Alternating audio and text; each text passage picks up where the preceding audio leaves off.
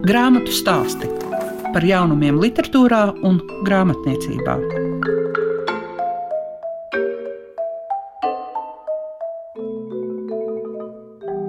Esiet sveicināti visi tie, kas klausās grāmatu stāstus kopā ar jums Liega Piešiņa. Un šīs dienas raidījumā mēs atvērsim Viļa Selecka grāmatu Disidents, kuras galvenais varonis ir Ints Zālītis, un pievērsīsimies Andrieva Niedras rakstītājam. Mana bērnība un mani puikas gadi tagad mums ir pieejami. Grāmatu stāsti tiem, kam grāmatu lasīšana ir vērtība. Grāmatā stāstos tūlīt varēsiet dzirdēt sarunu ar Vili Salecki. Viņš gan savu vārdu uz grāmatas disidents vāku ir uzlicis, nu, cik vien maziem burtiņiem var. Jo šajā gadījumā centrālā loma ir Inte Cālīša dzīves stāstam. Jūs jau gan uz grāmatas 4. vāka pasakat, ka ne jau tik ļoti viņš ir gribējis, lai viņu uzskata par disidentu, bet uh, Kā tas vispār izveidojās, ka jums bija būtiski novest līdz galam un izstāstīt šo samudžināto, smago, vēsturiski pretrunīgo stāstu? Pretrunīgo, varbūt arī tā var teikt, bet es vairāk to uztveru kā cilvēks, kurš dzīvojas citādu dzīvi. Man pašam bija lemts piedalīties padomu laikā tajā, teiksim, tā parastajā dzīvē, kura bija lemta parastajam cilvēkam, kurš bija dzimis pēckara gados un citu dzīvi nezināja. Līdz ar to, klausoties to, ko stāstīja Inns Cālītis, man bija iespēja nokļūt, varētu teikt, ekrāna otrā pusē, jeb dzīves pavisam citā pusē, kas ritēja kaut kur tālu prom no tās dzīves, kurā mēs visi bijām iesaistīti. Padomju skola, universitāte, pēc tam pašam darbs skolā, pēc tam avīzē. Mēs visi bijām savā laika produkti un bijām saistīti ar to ideoloģiju. Mums vajadzēja prast tajos apstākļos pielāgoties un dzīvot. Bet lūk, te bija viens cilvēks, kurš nepielāgojās, kurš bija piedzimis jau pirms kara, kurš līdz ar to pazina tā laika dzīvi, un kurš bija tik stūrgalvīgs, teiksim, vai arī dzelžains savā raksturā, ka viņš visu laiku turējās pie tiem principiem, kuri viņam bija izstrādājušies jau pirms kara, pēc tam kara gados un pirmajos pēckara gados. Var sakot, tāds neparasts cilvēks, kurš bija spējis nodzīvoties citādu dzīvi. Un līdz ar to viņš bija spiests iztaigāt pa visiem tiem moku ceļiem, kuri bija lemti šāda veida cilvēkiem. Un līdz ar to es iepazinu to PSRS īstenību no otras puses, par kuru tajos laikos neviens eh, nekur daudz nerakstīja, bet kuru varēja izlasīt tikai aizliegtajās grāmatās, piemēram, Solžanicina izdevumos, bet kuras nebija tik viegli pieejamas, un, ja bija pieejamas, tu viņu izlasīji, un ko tālāk neko nevarēja darīt, bet tikai tev kaut kāda izpratne, kaut kāda sajēga radās, bet tu nevarēji to pieņemt kā dzīves vadmotīvu. Bet lūk, viņš pats reāls cilvēks bija iztaigājis to visu un tagad stāstīja, kā patiešām ir bijusi tāda dzīve, kā Solžēnicina aprakstītais grāmatas. Un kā pret viņu izturējās tajā laikā, kad it kā ritēja normāla, parasta dzīve, kad eh, viņa ģimene tika vajāta arī skolā un daudz kur citur. Un tad es domāju, kā es būtu rīkojies, ja es būtu bijis direktors tajā skolā, kurā mācījās viņa bērni. Kā būt pret viņiem izturēties? Nu, sakot, tā bija kaut kāda cita pasaule. It kā tepat blakus kopā ar mums visiem, bet tomēr citādi. Tas bija ļoti interesanti. Un līdz ar to viņa dzīve atklāja visu šī laika vēsturi. Man interesē varbūt ne tik daudz tieši viņa dzīve un biogrāfija, bet tieši tas, ka neliterāri izsakoties caur viņa dzīvi, atklājās visa šī laika vēsture. Tas bija tas aizraujošākais. Tāpēc es klausījos, ko man stāsta, dzīvoju viņam līdzi, mēģināju iedomāties, kā tur varēja būt tajā kolimā, kad katrs maizes kumos viņš visu izšķīra.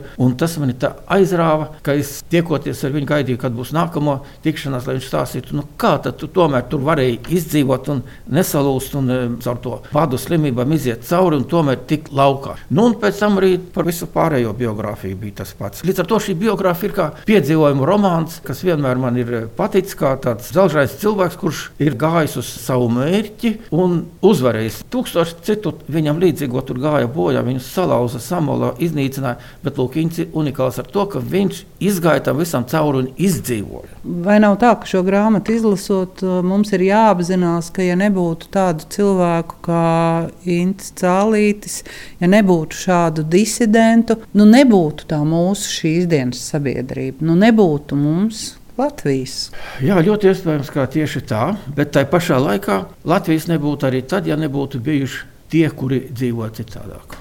Es tā arī gribētu teikt. Protams, ka disidenti ir, ir devuši milzīgu ieguldījumu, lai Latvija taptu, bet Tur ir tā milzīgā pretruna, kas man mudināja uz dziļām pārdomām, ka nebūtu arī tad, ja nebūtu Ojārs Vācijas, kurš savādāk dzīvoja. Vai imants ziedonis. Viņi dzīvoja savādāk, bet viņi rakstīja dzēju, viņi rakstīja latviešu literatūru un ar legālām metodēm ietekmēja mūsu domāšanu un to, ka mēs saglabājām savu latviešu domāšanu, kultūru, identitāti un ka mēs varējām nokratīt tos pinekļus tad, kad pienāca īstais brīdis un izveidot savu tagad valsti. Es slavēju Intu par to, ka viņš bija dzelžains un gāja savu mērķi. Bet es nesaku, ka tas bija vienīgais pareizais veids, kā tajā laikā varēja dzīvot. Ja mēs visi tā būtu darījuši, neteiksim mēs, jo es tajā laikā vēl nebiju, bet ja visi, kas dzimuši kopā ar viņu tajā laikā, Ja viņi tā visi būtu darījuši, tad mēs noteikti būtu piedzimuši. Es, piemēram, pēc kara piedzimis jau būtu kaut kur Sibīrijā, ja vispār būtu piedzimis. Jo Stalins ar mums tautu būtu izreikinājies bez mazākās šaubīšanās. Tā kā redzēt, latviešiem ir arī tā nepieciešama, ka kādreiz vajag tādā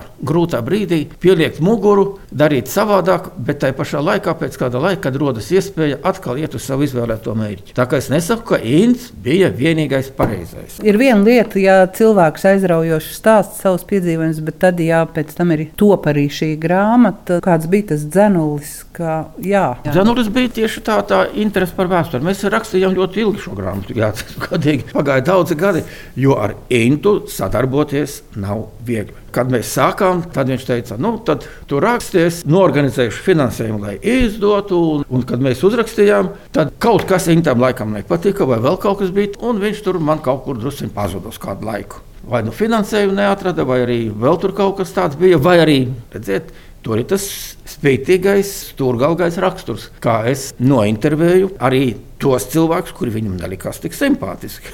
Un es gribēju iestrādāt arī tādu cilvēku viedokli, kuri bija varbūt draugi, bet ar kuriem viņš nevisai labi sapratās. Un viņš sadusmojās, no ko tad viņa, viņa grāmatā liks kaut kādus tādus kas viņam nav draugi bijuši. Jo redziet, viņš ir tāpat kā viņa tēvs, ir īpaši ir bijis ļoti taisnprātīgs. Cilvēks, kas iet tikai pa vienu līniju un nekādas atkāpes nekur sānis. Bet nu, es uzskatīju, ka tā nevar. Ja viņš kaut kur vai viņa kundzināra izsakās negatīvi par vienu vai otru, man tad jāparunā arī ar to cilvēku, ko viņš saka. Tādu arī ir bijis diezgan daudz, jāatzīst godīgi. Ints tika tiesāts kopā ar deviņiem citiem saviem cīņu biedriem, bet, kad es prasīju viņam, nu, kur tad viņi ir, vai gribētu parunāt ar viņiem arī, tad izrādījās, ka viņam tur nekāda īpaša sakara vairs ar viņiem nav. Līdz ar to viņam tās attiecības nekādas labās nav. Tāpat arī ar citiem disidentiem tās attiecības nekad nav bijušas labas. Nevienu viņi visi bijuši ļoti spēcīgas personības. Spēcīgas personības, individuālisti, un tāpēc viņiem vienmēr savstarpēji kašķi, plešanās un e,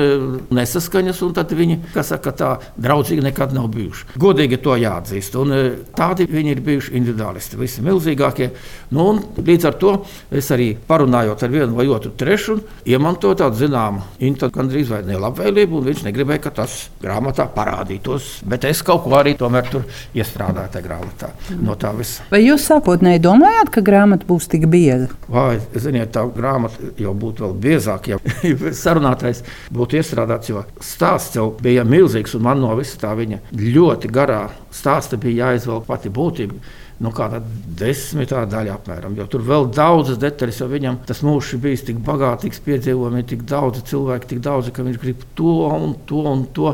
Skaidrs, ka es to nevarēju visu, un tā jau tā grāmata ļoti bieži iznāca. Un tas arī noteikti viens no tādiem momentiem, kura dēļ Intam radās nu, tāda doma, ka, nu, jā, nu, bet, nu, redz, tas tur nav uzrakstīts, tas tur nav uzrakstīts. Līdz ar to viņš domāja, ka nav tā, kā viņam būtu paticis. Visa šī grāmata ir tāds subjektīvs mans skatījums uz viņas stāstītu, jo es no tiem 100% izvilku laukā tikai 10%. Un kas ir šie 10%? Tas bija atkarīgs no tā, kā es sapratu savā skatījumā, kas ir tas būtiskākais un galvenais. Varbūt arī kaut kur kļūdījos, es arī to pieļauju, bet man liekas, ka ir tomēr daudz tādas nianses, tādas sīkumi, kuri patiešām varēja arī nebūt tādā grāmatā. Bet toties tajos rakstos, kas man ir, vai viņa stāstītajā, ja kādreiz kādam būtu interesi, tur varētu visu to atrast vēl sīkāk un plašāk, un, un tad vēl tādas divas, trīs grāmatas. tas nozīmē, ka jāatrod muzejs. Daidis Ivāns Tautas frontes muzejam lūdzu atdot, un ļoti iespējams, ka mēs tā arī izdarīsim. Mm. Tautas frontes muzejam varētu būt, ka, ka tur arī glabātos. Viss. Mhm. Kas jums šķitas būtiskākais? Šī grāmatā un dzīvē pats interesantākais un būtiskākais ir tas, kas noritēja tajos leģeros pašā sākuma kolinā. Tas, kādas bija šīs nometnes, kā tur cilvēkus, kādos apstākļos turēja, kā viņus mētēja, tas man patiešām bija ļoti, ļoti liels atklājums. Kaut kas jau bija zināms, un, protams, Solženīcins bija stāstījis, bet, bet tādā koncentrētā, tiešā veidā te saskaros pirmo reizi. Tas bija ļoti svarīgi. Būtiski un interesanti būtu papētīt Inta un citu disidentu savstarpējās attiecības, kas nav bijušas viennozīmīgas, kā jau es tikko teicu. Tālāk būtu ļoti interesanti papētīt daudzu kompartijas tā laika politiku attieksmi pret šiem citādi domājošajiem. Tas, manuprāt, būtu ļoti svarīgi. Un, un viss tur ir būtisks. Ļoti svarīgi un interesanti tas, ka Ints prata savu ģimeni ļoti lieliski apgādāt. Iedomājieties, viņš ir vajāts, viņam neļauj kurā katrā vietā strādāt, kur viņš grib, bet tomēr viņš ar savu darbu, ar savu talantu, rotkaļu amatu dzīvo labāk nekā daudzi citi tā laika privileģēto slāņu pārstāvji, jo prot nopelnīt labu naudu. Lūk, arī tā varēja dzīvot tajā laikā. Kas ir tas, ko jūs šobrīd rakstāt? Oi, šobrīd es esmu pabeidzis vienu darbu, kur izdošana tagad tiek gatavota. Tas ir vēsture, bet par pēdējiem 30 gadiem. Mani ļoti satrauc jautājums par to, kādi ir tautas atmodas, visas mūsu šīs varonīgās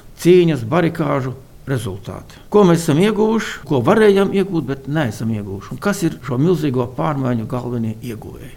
Mani ļoti satrauc tas, ka mums tagad izveidos tāda situācija, ka mēs cīnījāmies pret vecā režīma kalpiem, bet rezultātā ir tā, ka bieži vien mēs esam spiesti doties pie viņiem un lūgties, lai viņi parūpējas par mums. 90. gadu vidū es strādāju Jaunradas fondā. Tur pulcējās tā laikā dižākā radošā inteliģence. Un tajā fonda vadībā bija Džemas Kulme, Andris Kolbergs, Epners, Kokars, no nu, otras spožākie talanti. Un kas tur notika? Notika tā, ka nepārtraukti tika spriests par to, kā palīdzēt vienam, otram, kā pašiem sev, lai izdzīvotu, lai izvilktu dzīvību. Un kur tad bija jābrauc pēc naudas, lai varētu kaut kādā veidā iegūt to sponsorējumu un palīdzēt? Bija jābrauc piemēram uz Vēncpili. Un tad es domāju, kā tas tā varēja gadīties, ka mēs cīnījāmies, uzvarējām, bet atkal mēs esam spiesti kaut kādā veidā zemoties, kalpot un lūgties palīdzību tiem, kurus uzvarējām. Un tāpat Tagad skan viedoklis, ka lūk, puse Rīgas ar čekas naudu ir uzbūvēta. Lielākie uzņēmumi pieder tiem un tiem. Un tad es domāju, bet, nu, kāpēc tā notika, kur mūsu vainas, kur mūsu kļūdas. Un lūk, to visu es gribēju tajā grāmatā kaut kādā veidā aprakstīt, kas tur ir noticis. Kāpēc tā iznāca? Bet patiešām te ir par ko padomāt. Nu, nevajadzēja tā būt, ka barikāžu dalībniekiem tagad ir jācīnās par savu knapo izdzīvošanu, tā, jās, tā varbūt precīzāk, bet toties tie, kurus uzvarējām, varēja iegūt nesamērīgi lielu ietekmi, varu un finansu līdzekļus. Grāmatu stāsti programmā Klasika. Viens no Jāņa Rozes apgāda jaunumiem ir grāmata Andrijas Niedra, Mana bērnība un mani puikas gadi. Renātai Punkai apgāda vadītājs gribu jautāt par to, kas bija tas galvenais mudinājums, lai šāda kultūra vēsturiska grāmata nonāktu pie lasītājiem. Tā bija tāda skaista zvaigžņu sakritība. Faktiski Andrijam Niedram šajā pavasarī, februāra sākumā, apritēja 150 gadi. Pietiekami apaļu jubileja pietiekami svarīgai personībai, pretrunīgai, protams, jā, sevišķi politiskās darbības dēļ, un, protams, ka arī viņa literārā darbība varbūt ir nevienmērīga un nevienlīdz spoža, bet viņš nenoliedzami ir bijis cilvēks, kas ir atstājis diezgan dziļas pēdas ne tikai Latvijas politikā, bet arī Latvijas sadzīves kultūrā, būdams mācītājs un iedibinādams arī kapsvētku tradīciju, ko mēs joprojām piekopjam, gan arī cirzdams pat jāsaka, ka dažas stīgas literatūras laukā, kas tajā brīdī sāk tieši veidoties un attīstīties. Andrijas Niedra ir dzimis 1871. gadā. Tas bija laiks, kad veidojās šī jaunā literāta paudze. Viņš ir pats bijis personīgi pazīstams un, un draugos gan ar Rudolfu Plaumani, gan ar Emilu Melngaili un mācījies tērbatā. Strādājis arī par privātu skolotāju pie progresīviem vācu baltu mužniekiem, kur ir apgādājis apgrozīsies arī liela daļa Latvijas tā laika topošās inteliģences. Viņa vieta neapšaubāmi tā ir personība, kur man šķiet vēl līdz galam nav neizvērtēta, neizpētīta. Bet šajā gadījumā mēs piedāvājam lasītājiem viņa darbu, kas faktiski ir ļoti, ļoti maz ārpus tādām specifiski literatūras vēsturē orientētām aprindām zināms, un tā pašā laikā ir ārkārtīgi interesants. Jāsaka, jau pirms vairākiem gadiem pie manis vērsās Liepājas Universitātes pasniedzēja Linda Zulmane, kur padziļināti pēta Andrija Niedras literāro darbību un mudināja izdot. To pat nevarētu teikt, ka tas ir tāds atkārtots izdevums. Zināmā mērā jā, jo grāmatas formātā man bērnība un mani puikas gadi ir iznākuši, bet tas notika 1943. gadā. Cik var spriest, tad pavisam nedaudz šīs grāmatas eksemplāri vispār ir saglabājuši atradušies. Nacionālā bibliotekā, protams, ir šie eksemplāri, bet tādu ir palicis ārkārtīgi maz. Nu, faktiski šīs atmiņas par bērnību un puikas gadiem ir tapušas, kad Niedram pašam jau bija krietni pāri 50. Tas bija laiks, kad viņš jau bija visas savas politiskās eh, nerātnības, ja tā varētu teikt, sastrādājis un bija jau spiests dzīvot eh, tādēļ ārpus Latvijas. Un, eh, un pirmo reizi tās ir publicētas presē divās daļās par bērnību 26. un 27. gadā un par puikas gadiem 30. gadu sākumā. Un tad pēc tam jau pēc Andrija un Niedras nāves viņa labs draugs Jānis Misiņš gādāja par to, lai arī mazliet komentējot eh, šīs atmiņas, lai tās iznāktu grāmatas formā. Tad, kad Niedram apritēja simts 1971. gadā šo grāmatu pārizdeva Amerikā, apgādes Gauja. Tā izdevuma komentārus un priekšvārdu rakstīja vēsturnieks Andrijs Ezergailis, kurš arī ir viens no tiem, kas uzskata Andrija Niedras loma Latvijas politikā un, un sabiedriskajā dzīvē ir jāizvērtē kritiski, bet objektīvi. Jāsaka, ka nu, tā priekšvēsture bija pietiekami pārliecinoša, lai mēs apsvērtu šo iespēju un sākām jau gatavot šo izdevumu. Tad arī parādījās iespēja pieteikt projektu Kultūra Kapitāla fonda programmā nākotnes kultūras piedāvājums.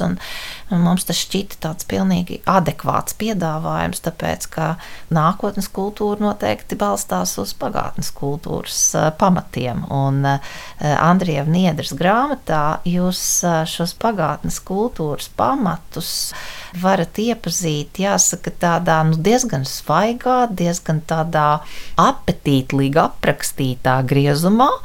Viņš ir, jā, viņš ir šarps vīrs, viņš ir asprātīgs vīrs, ļoti tā godprātīgi, sirdšķīst reizēm aprakstījis, pats sevi necenšoties arī ne, ne lielīt, ne slavēt, bet arī parādīt visas tās savas maldīšanās, kļūdīšanās un lietas, ko viņš dažādās skolās ir iemācījies, bijis spiests apjaust bērnības stāsti jau, jau diezgan izvērsti stāsti par to, kāda bija dzīve Latvijas vidzemes laukos, kur Andrijas Niedra ir dzimis un pēc tam sācis savus skolas gaitas. Mēs pakāpeniski iepazīstam gan to, kādi bija tie paradumi, gan kāda bija šī mm, sadzīve un cilvēku domāšanas veids, un arī izvērsti apraksta, kāda bija tā saucamie veco laiku cilvēki pret jaunu laiku cilvēkiem, un dažādas parašas, kas tajā laikā caur mūžām ienāca latviešu dzīvē. Un, Un pēc tam, protams, arī ārkārtīgi interesanti man šķiet šī sadaļa, kas ir veltīta jau ne tikai vecpiebalgas draugu skolai un citām lauku skolām, bet pēc tam jau Andrijas Niedra nonāk Rīgā. Tie ir gimnāzista gadi, tā ir jau tāda jauna pieredze. Mēs redzam uh, Rīgu, mēs redzam šo ārkārtīgi dažādo daudznacionālo sabiedrību, dažādu slāņu pārstāvju sastopas šajā gimnāzijas solā, un, un arī viņiem ir gan dažādi uzskati, gan dažādas um, raksturīpatnības. Un, uh, jā, man, man šķiet, ka tās grāmatas vērtība tiešām ir tas, ka tā ir visnotaļ plaša krāšņa un ļoti ticama tāda 19. gadsimta nogales laikmeta aina kas mums sniedz diezgan panorāmisku ieskatu šajā laika nogriezienī, kurā ir noritējusi Andrija Niedras bērnība un puikas gadi.